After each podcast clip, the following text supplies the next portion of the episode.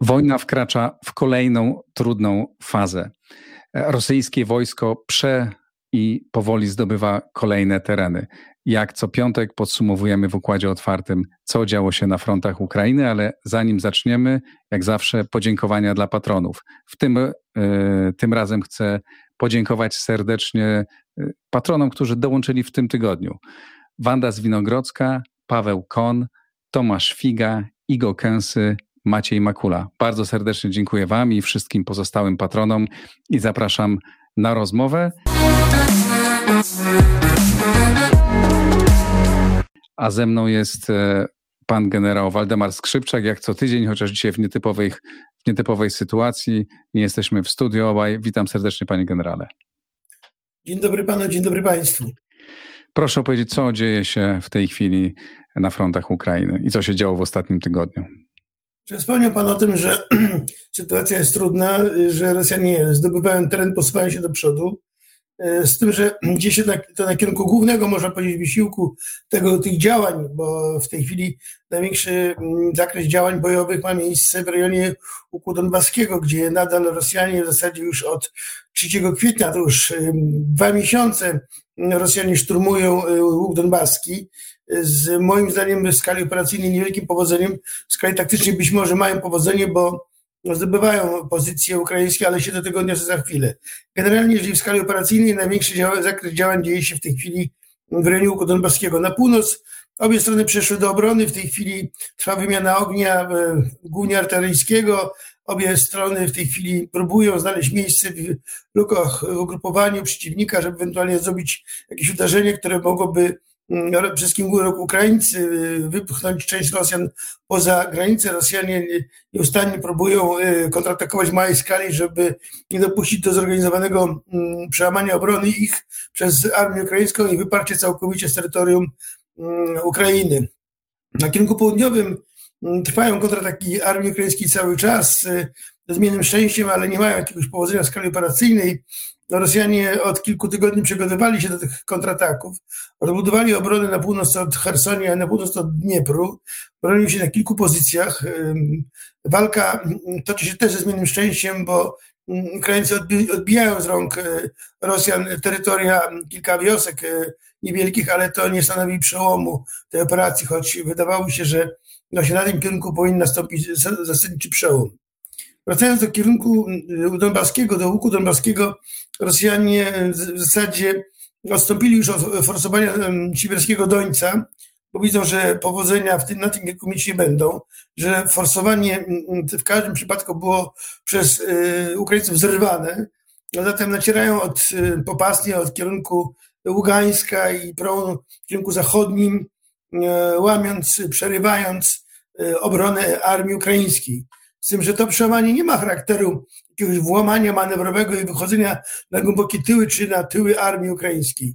Ukraińcy y, pozycje swoje bronią tak długo, dopóki się daje bronić, bo masowany ogień artylerii rosyjskiej dewastuje pozycje obronne, dewastuje fortyfikacje, w związku z tym trudno się w zwałach ziemi i w gruzach bronić żołnierzom w sposób zorganizowany, w związku z tym Ukraińcy bronią się tak długo na tych pozycjach, dopóki się tych pozycji da bronić zadając Rosjanom nieprawdopodobnie wielkie straty, bo Rosjanie za wszelką cenę chcą te pozycje zdobywać i oni je zdobywają. Postęp jest moim zdaniem bardzo niewielki, jeżeli chodzi o zdobycze terenowe. Ukraińcy wycofują się w sposób zorganizowany na kolejne pozycje, przygotowane pozycje obronne, które muszą po raz kolejny Rosjanie atakować. I nie stało się to ani wczoraj, ani przedwczoraj, ani dwa dni temu tylko oni od 3 kwietnia już atakują i w zasadzie, tak jak powiedziałem, 3, w ciągu dwóch miesięcy ten postęp w skali operacyjnej jest nieznaczny. Taktycznie być może kilkanaście kilometrów, ale to nadal jest niewiele, bo mm, pozycje obronne armii ukraińskiej są, ukraińskiej są głęboko rozbudowane. Przypomnę jeszcze wszystkim, że wszystkie miasta w tamtym regionie, tak chociażby taki Siewierodonieck, one są przygotowane doskonale do obrony i Rosjanie będą musieli zdobywać to miasto szturmem, więc będą ponownie narażeni na wielkie straty. Więc ja z tych powodzeń, które mają Rosjanie w tej chwili na kierunku układu morskiego nie, rodził, nie, rodził, nie robiłbym dramatu. Moim zdaniem to jest planowe działanie Ukraińców, że odpuszczają niektóre pozycje, wycofują się na kolejne dobrze przygotowane pozycje. Głęboka obrona jest, co będzie moim zdaniem gwarantowało Ukraińcom jeszcze kilkanaście dni skutecznej obrony e, łuku donbaskiego. E, ponadto trzeba pamiętać, że mm, Ukraińcy uzupełniają swoje wojska odwodami, które podeszły kilka dni temu do tego rejonu. One obsadziły kolejne pozycje, pogłębiając obronę. Dotarły również do, do, do e, wojsk ukraińskich, dotarły mm, środki artyleryjskie, które w tej chwili skupiają swój ogień na niszczeniu artylerii rosyjskiej, bo najbardziej dokuczliwą od kilku tygodni dla obrońców ukraińskich mm, to jest artyleria rosyjska, która dewastuje, jak mówiłem wcześniej, pozycje obronne i okopy armii ukraińskiej. Zatem teraz trwa, można powiedzieć, wymiana ognia, pojedynki artyleryjskie, artyleria strzela do artylerii, bo w tej chwili e, zasadniczym celem działania artylerii ukraińskiej jest obezwładnienie mm, artylerii rosyjskiej, żeby ta artyleria nie miała tak skutecznego ognia e, kierowanego do obrońców na kolejnych pozycjach obrony. Nie wiem, czy pan miał okazję e, przeczytać taki artykuł, który pojawił się e, na onet.pl, e, napisany przez Marcina Wyrwała, dziennikarza, który jest właściwie od początku wojny, jeszcze był przed wojną na Ukrainie, rzeczywiście chyba jako jeden z bardzo niewielu dziennikarzy cały czas tam jest.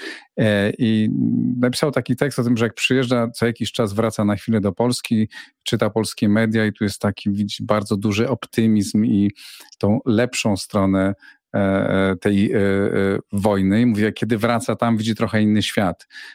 I mm, stawia taką tezę, że polscy komentatorzy często opierają się na ukraińskich źródłach, które siłą rzeczy prowadzą swoją no, propagandę, propagandę wojenną.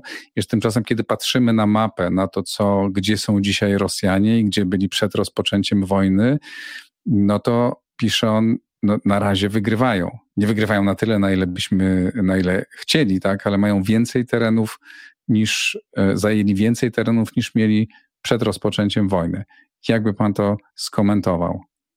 Bez wątpienia Rosjanie w toku pierwszych dni operacji, którą zaczęli 24 lutego, opanowali część terytorium Ukrainy, na której w tej chwili funkcjonują.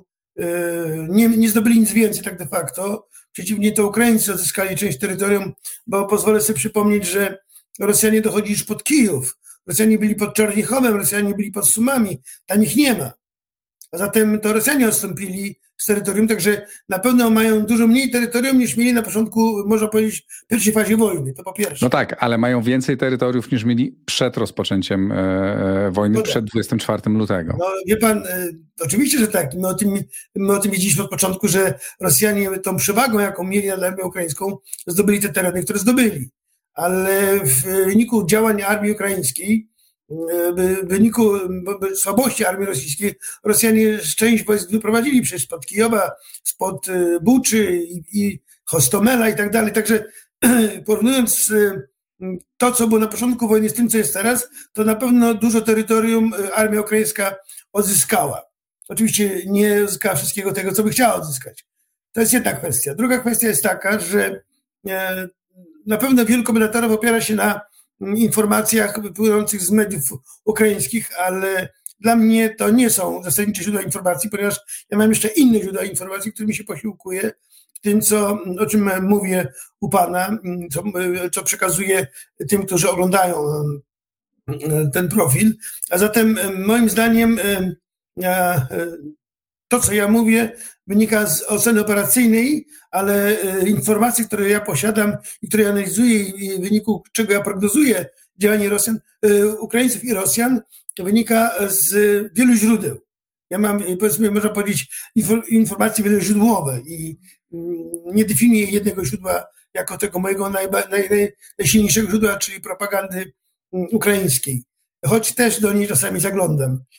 Proszę pamiętać, że inna jest perspektywa mm, obserwowania sytuacji operacyjnej na poziomie operacyjnym, a inna jest perspektywa oceny pana redaktora Wyrwała, który porusza się wśród pojedynczych żołnierzy, wśród osób, wśród cywili, widzi naocznie lotnictwo rosyjskie i tak dalej. Oczywiście to jest zupełnie inna perspektywa i mm, na pewno nikt y, z dowodzących na poziomie operacyjnym nie informuje pana Brewało o tym, jakie są zamiary strony, jak, jaka jest sytuacja operacyjna, jeśli rozgrywają główne bitwy.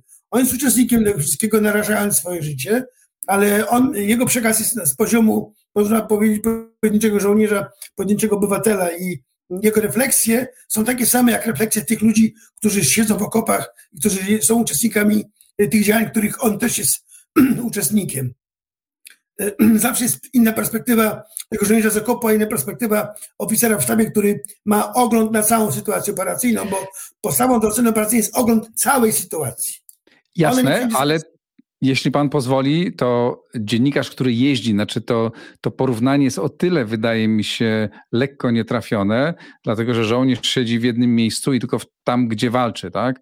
E, korespondent na miejscu i z tego, co obserwuję, jak obserwuję pracę mm, e, e, Marcina Wyrwała, on jeździ po całej Ukrainie i stara się dotrzeć w różnych miejscach, też zbiera te informacje, tak? Znaczy on nie podważa tego, co pan y, y, mówi, tak, ani my, rozumiem, nie podważamy jego, y, jego relacji, bo są bardzo wartościowe, tylko ja też celowo powiedziałem o tym, bo próbuję zbudować jakby całościowy obraz, prawda, bo i to spojrzenie pańskie z góry i jego z miejsca jest niezwykle cenne.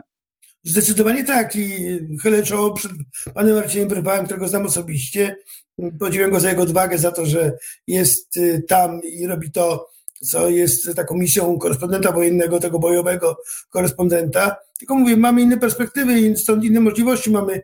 Na pewno ja miałbym inne perspektywy, będąc tam razem z nim, a inną mam perspektywę, korzystając z wielu źródeł, do których mam e, dostęp, jeżeli chodzi o informacje i ich analizę i prognozowanie rozwoju sytuacji.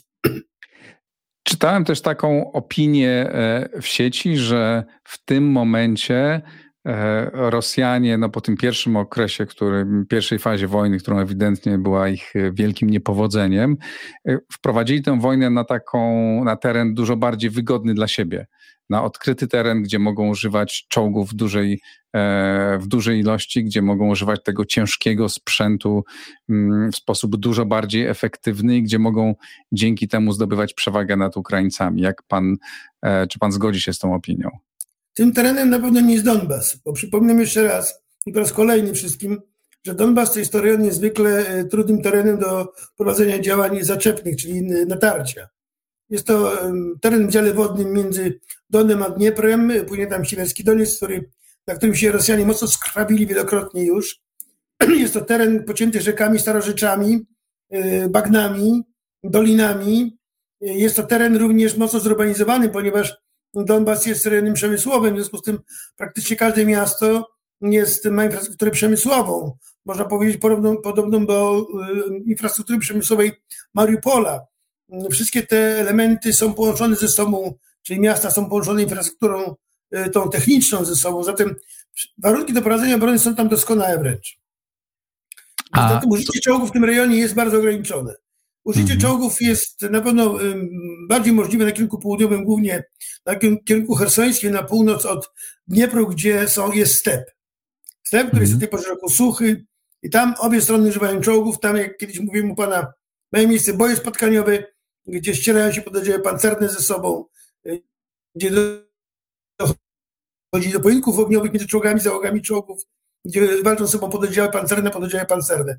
Jest to taki, powiem, typowy rejon dogodny do prowadzenia działań wojsk pancernych i zmechanizowanych. Przy czym Rosjanie przeszli w tej chwili już na tym, w tym rejonie do obrony. Bronią się kontratakami armii ukraińskiej, która ma tam inicjatywę operacyjną, z tym, że kluczową sprawą jest to, czy Ukraińcy są w stanie tymi siłami, które mają, e, przełamać obronę rosyjską. Do jednej rzeczy chcę wrócić. Nastał taki czas, że można ocenić to, co się dzieje na Ukrainie, że Ukraińcy mają po raz drugi, ja bym to nazwał okienkiem czasowym, czy oknem czasowym. Co to znaczy?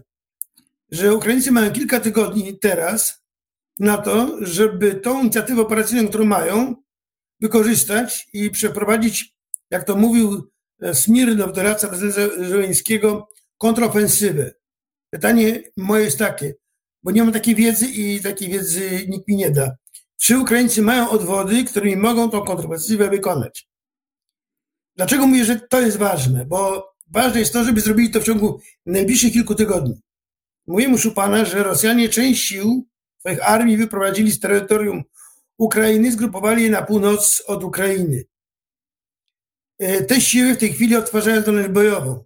Są uzupełniane sprzętem zapasów wojennych, są uzupełniane żołnierzami z różnych formacji ściąganymi z całej, z całej Rosji. Są również uzupełniane już częściowo poborowymi, którzy byli wcieleni w listopadzie. Są uzupełniani żołnierzami rezerwy, których skrycie mobilizowano 15 marca tego roku.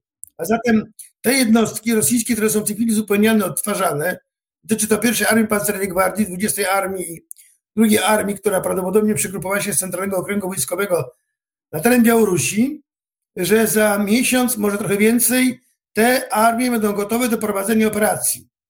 Czy obronnej, czy zaszczepnej, nie wiem, ale zwracam uwagę na to, że ten moment jest najlepszym momentem dla Ukrainy, dlatego że w tej chwili Rosjanie są najsłabsi.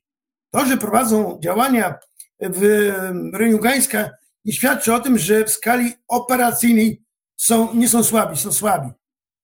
Trzeba to wykorzystać. Czy Ukraińcy mają odwody, żeby przyjść teraz do kontrofensywy? Chciałbym, żeby tak było, nie wiem. Natomiast jeżeli tego teraz nie zrobią w ciągu najbliższych tygodni, to za, za miesiąc, półtora nie mają szans na przeprowadzenie jakiejkolwiek kontrofensywy. Nie zgadzam się ze Smirnowem, który mówi o y, przełomie czerwca i lipca, bo wtedy te armie, które Rosjanie w chwili szykują, one będą gotowe do bojowego użycia. I co Rosjanie mogą z nimi zrobić? Czy wykonają uderzenie na Kijów, Czernichów? Nie wiem. Nie sądzę. Będą chcieli te siły wykorzystać do wyprowadzenia, czyli obsadzenia nimi pozycji obronnych wzdłuż granic, wzdłuż frontu na terenach Ukrainy, które mają opanowane. Czyli prawdopodobnie będą chcieli wojskami tymi bronić się przed Ukrainą, żeby Ukraina nie mogła wyzwolić operacją, tą kontrofensywą e, tych terenów, które utracili po 24 lutego Ukraińcy. I temu ma prawdopodobnie służyć odtwarzanie tych armii. Jeżeli by się, przepraszam, udało Rosjanom to zrobić, to ta, opera, ta kontrofensywa, o której mówił Smirnow, nie ma żadnego uzasadnienia, ponieważ będzie to bezowocne łamanie zębów armii ukraińskiej na silny, silnej dobrze przygotowanej obronie rosyjskiej.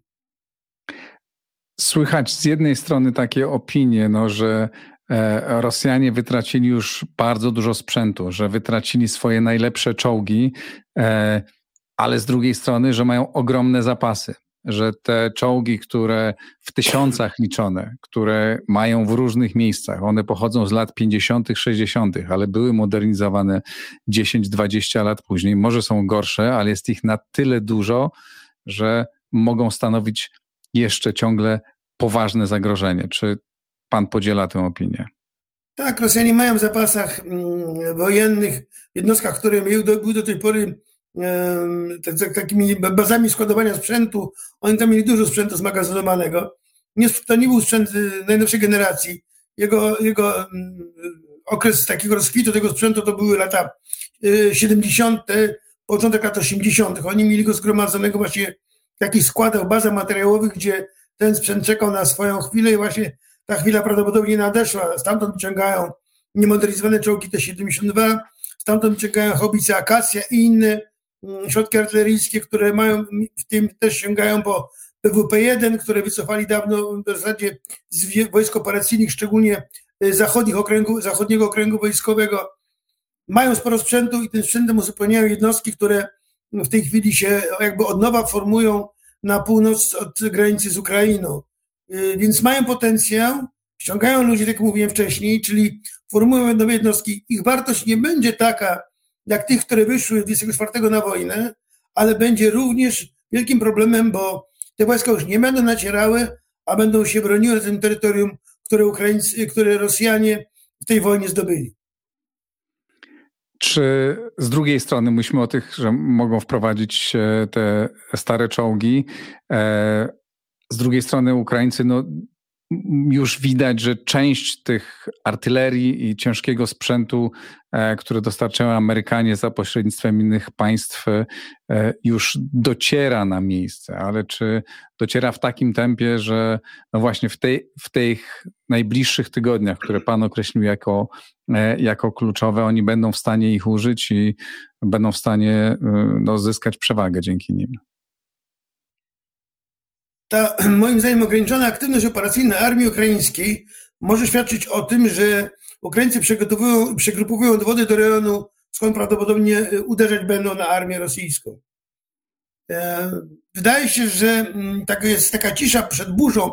Mam nadzieję, że tak jest, jeśli chodzi o Ukraińców, że wojska swoje dzieci środkowują po to, żeby wykonać skoncentrowane uderzenie celem przełamania obrony rosyjskiej, bo ta obrona jest płytka. Dlatego, że Rosjanie nie mają dużych sił na terytorium Ukrainy poza rejonem Donbasu, więc obrona jest płytka. Więc przełamanie tej obrony przy tak skoncentrowanym uderzeniu może być bardzo skuteczne i wejście w głębię operacyjną, dlatego też tak bardzo zwracam uwagę wszystkim na kierunek południowy, bo z mojego, operacji, mojego punktu widzenia ten kierunek jest najdogodniejszy do przeprowadzenia operacji, bo na tym kierunku też Rosjanie nie mają głęboko użytowanej obrony. A jakby jeszcze udało się Ukraińcom wywołać powstanie w Chersoniu, bo w Chersoniu społeczeństwo deklaruje, że nie przeciwko okupacji rosyjskiej, wywołanie powstania udziałem jednostek już zawczasu do Hersonia przywróconych, wydaje się, że mogłoby w poważnym stopniu zakłócić funkcjonowanie wojsk rosyjskich na północ od Dniepru i mogłoby stworzyć warunki do wykonania tego mm, zwrotu zaczepnego, o którym mówiłem, pokonania obrony rosyjskiej, wyjścia na południe od Hersonia, uderzenia w kierunku na Krym, co by e, byłoby takim sygnałem dla Rosjan, że mają prawo się od południa czuć okrążeni przez armię ukraińską. Chciałbym wierzyć, że mm, te odwody, które formują na bazie jednostek, na bazie sprzętu, który dostają z zachodu Ukraińcy, że te jednostki już osiągają zdolność do tego, żeby brać udział w takiej operacji. Według niektórych analiz e, siły rosyjskie mogą zacząć bitwę o Sywierodonieck, e, e, po to też, żeby dokończyć okrążenie obwodu ługańskiego. Czy pańskim zdaniem mają na to szansę? Znaczy mają szansę oczywiście, bo ta bitwa będzie o Sywierodonieck trwała jeszcze długo, bardzo długo moim zdaniem, ponieważ Ukraińcy, jak ja powiedziałem, mają głęboką obronę. Sywierodonieck jest przygotowany do obrony. Mm, każdy dom, każda, każdy dom, każda dzielnica jest zamieniona w twierdzę, którą muszą Rosjanie zdobywać za ogromną cenę, jeżeli chodzi o po pierwsze zużycie amunicji, bo mm, Rosjanie stosują ten palec ogniowy do niszczenia wszystkiego, co przed wojskami swoimi mają, potem dopiero wprowadzenie wojska, ale to nie zmienia faktu, że Ukraińcy potrafią się świetnie bronić i dodają e, Rosjanom duże straty. I po drugie dodam jeszcze jedną rzecz bardzo ważną. Ukraińcy będą robili wszystko, żeby się nie dać okrążyć. Niektórzy już wieszczą okrążenie. Do okrążenia z wojskowego punktu widzenia jest, jeszcze jest bardzo daleko, jeśli chodzi o armię ukraińską i wierzę w to, że Ukraińcy będą prowadzili obronę manewrową, czyli we właściwym czasie dokonają odskoku, żeby wojska uchronić przed okrążeniem lub będą na skrzydła nacierającego wojska wykonywać kontrataki, które nie pozwolą zamknąć tego pierścienia okrążenia. To jest taktyka i trzeba ją rozumieć, żeby to widzieć, czuć to pole walki, bo jestem przekonany, że ukraińscy dowódcy są doskonale do tego przygotowani i wiedzą, e, czy grozi im okrążenie, czy nie grozi im okrążenie.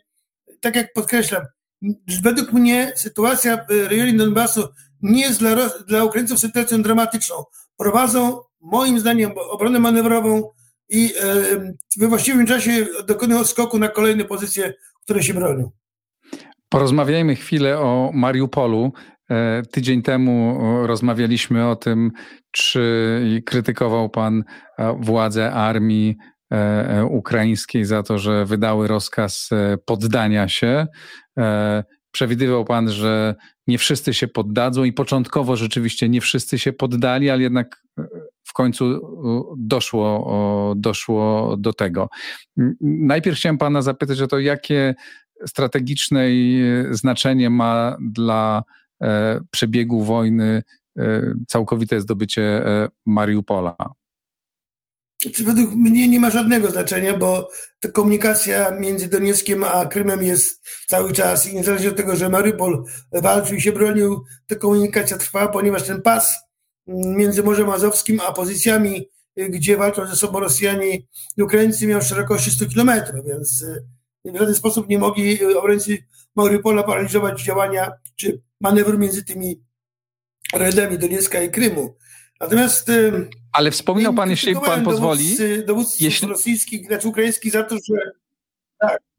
jeśli panie generale, jeśli mogę pan yy, pozwolić, Proszę. wcześniej pan w poprzednich tygodniach pan często zwraca uwagę na to, że taka obrona yy, yy, Mariupola, nawet tylko w jednym jego punkcie, miała duże znaczenie z tego punktu widzenia, że związywała, związywała część armii E, e, rosyjskiej, to znaczy zmuszała ją do walki, oni nie mogli walczyć e, w innym miejscu. Tak? No w tej chwili zostali z tego zwolnieni, rozumiem, że Rosjanie mogą przerzucić swoje, tę część wojsk w innym miejscu. To chyba pewnie ma jakieś znaczenie.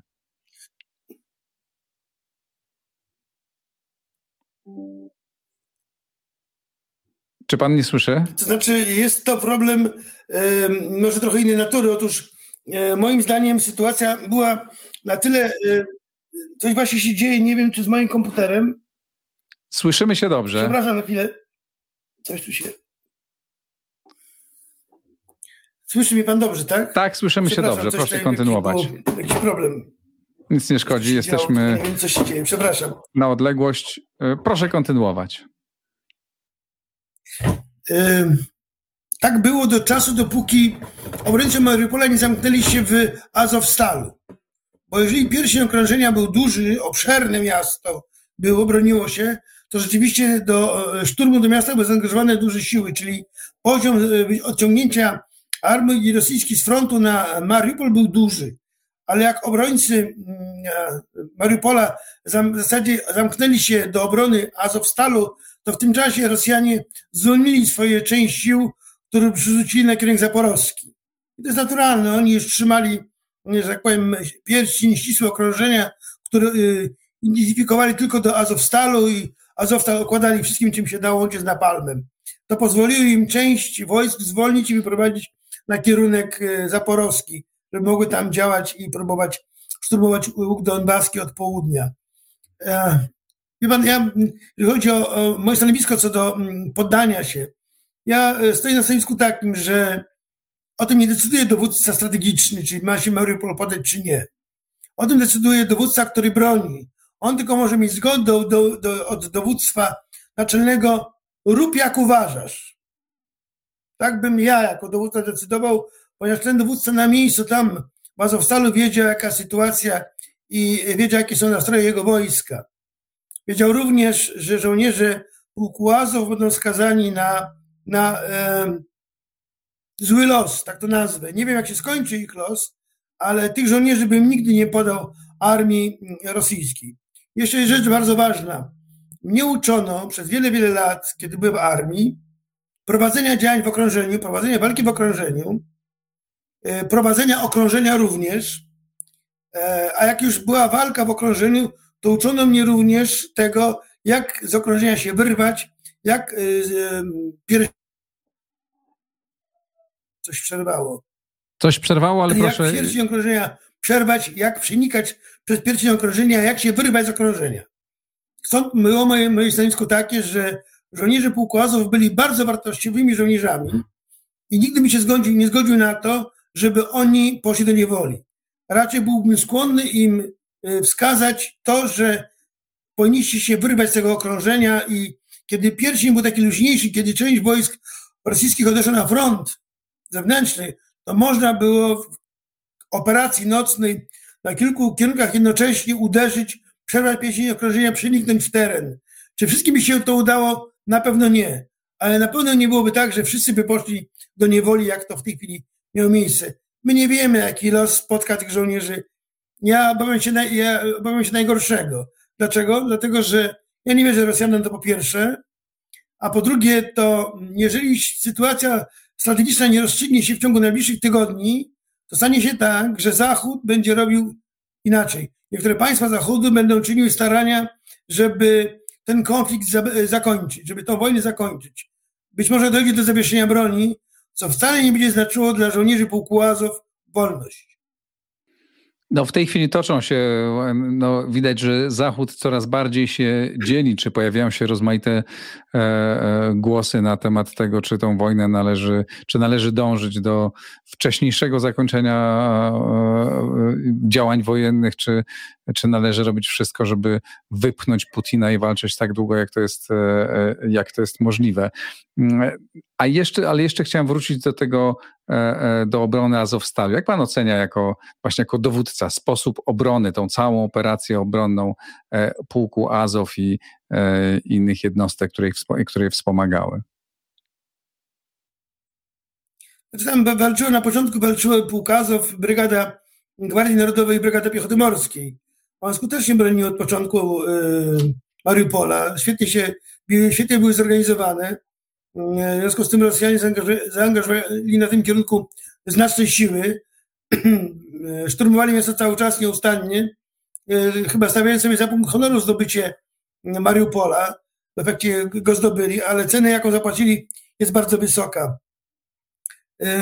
Moim zdaniem obie, znaczy wszystkie formacje, które walczyły w, w obronie Mariupola, wykonały swoje zadanie bardzo dobrze, spełnili swoją misję, odciągały przez długi okres czasu, angażowały armię rosyjską do zdobywania Mariupola, zadały im bardzo duże straty. W związku z tym oceniam e, sprawność dowódców i sprawność żołnierzy e, obrońców Mariupola bardzo wysoko. Dlatego szkoda, ubolewam tym bardzo, że oni są w niewoli, że nie, nie zrobiono nic, żeby, żeby ich uratować, e, nawet poprzez chociażby ich internowanie.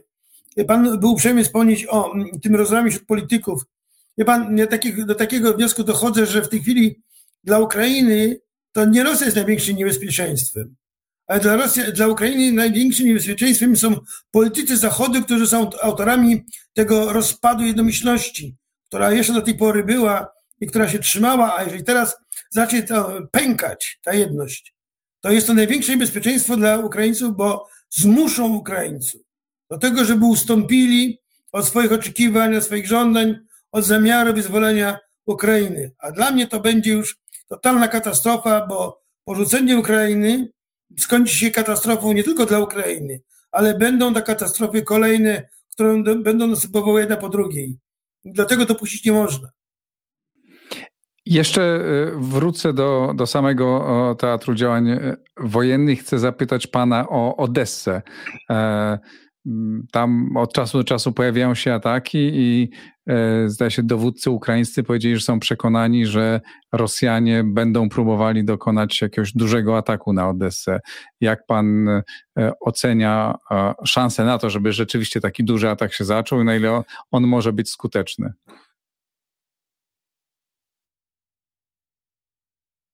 Znaczy moim zdaniem w tej chwili nie ma żadnego zagrożenia dla Odesy poza zagrożeniem atakami rakietowymi lotnictwa, bo tylko takie mogą mieć miejsce i w tej chwili takie mają miejsce tak de facto. Natomiast y, Rosjanom nie udało się przerwać przez Mikołajow y, na tym kierunku y, limanu rzeki Boch. Zostali tam zatrzymani, zostali odparci i dopóki nie, wyjdą, nie wyjdą wojska rosyjskie na północ od Odessy, to żadne inne działanie jest nieuzasadnione, ponieważ mm, nawet desant morski, chociaż tego desantu już też nie będzie, bo ja mówię już od wielu tygodni, że tego desantu nie będzie, bo te obie brygady piechoty morskiej zostały już zużyte w działaniach bojowych, tam niewiele, tam zostały resztki, bo jedna brygada szturmowała Mariupol, a druga jest na północ, była na, pod Chersoniem i była na północ od Chersoniu i ona w zasadzie została wyprowadzona z walki, to była ta brygada piechoty morskiej z obwodu kaliningradzkiego, ona została z walki wycofana, liże rany gdzieś, nawet nie wiadomo gdzie w tej chwili, co z tej brygady ocalało. Zatem nie ma zagrożenia, jeżeli chodzi o działanie wojsk w domenie lądowej dla Odessy. A jak nie ma e, zagrożenia od północy, to nie ma szans na to, żeby jakiekolwiek inne wojska lądowały w Odessie i mogły w Odessie w jakikolwiek sposób zagrozić. A czy widzi Pan jakąkolwiek szansę na odblokowanie e, portów E, ukraińskich, no bo wiadomo, że dla świata jest to gigantyczny problem, ponieważ tą drogą e, Ukraińcy mm, transportowali zboże dla, dla wielu państw e, świata. Dzisiaj no, pojawiają się bardzo alarmistyczne głosy, że w wielu miejscach będzie groził głód i będzie nas czekał ogromny kryzys żywnościowy, jeśli porty na Ukrainie nie zostaną odblokowane. Czy to w ogóle jest pańskim zdaniem możliwe? Tą blokadą grają Rosjanie, bo to tylko dobra wola Rosjan mogłaby spowodować to, że będzie ten, te szlaki, te tory wodne będą blokowane i będą na nich mogły kursować statki z tym zbożem w kierunku Dardaneli i Bosforu. Natomiast y, Rosjanie y, zostaną zmuszeni być może politycznie do tego, żeby to zrobić, tylko pytanie jest jak, za jaką cenę.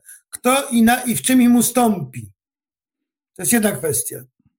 Druga kwestia to te tory wodne są zaminowane, tam są miny ustawione, miny morskie, wolno dryfujące, swobodnie dryfujące, jak również miny stałe, które są zakotwiczone i e, najpierw trzeba przeprowadzić operację mm, czyszczącą z min, czyli trzeba prowadzić tak zwane niszczyciele min, które wyczyszczą tory wodne, żeby e, ta żegluga statkami ze zbożem mogła mieć charakter swobodnej, swobodnej żeglugi. Na dzień dzisiejszy nie ma warunków do tego, bo nie przeprowadzono operacji czyszczenia torów wodnych, a wcześniej musi to być, że tak powiem, za zgodą Rosji, że wejdzie jakaś flota, która tą, tą, te tory wodne wyczyści. No, niestety y, y, komputer pana generała padł, ale zmierzaliśmy do końca. To miał być ostatni, ostatni wątek w tej rozmowie. To wszystko na pewno wrócimy do komentowania w przyszłym, do komentowania przez generała w przyszłym tygodniu. Bardzo Państwu dziękuję. Pozdrawiam serdecznie. Subskrybujcie E, słuchajcie, wspierajcie na patronite.pl. Bardzo dziękuję wszystkim tym, którzy wspierają Układ Otwarty. Cieszę się, że słuchacie. Pozdrawiam serdecznie. Do zobaczenia, do usłyszenia.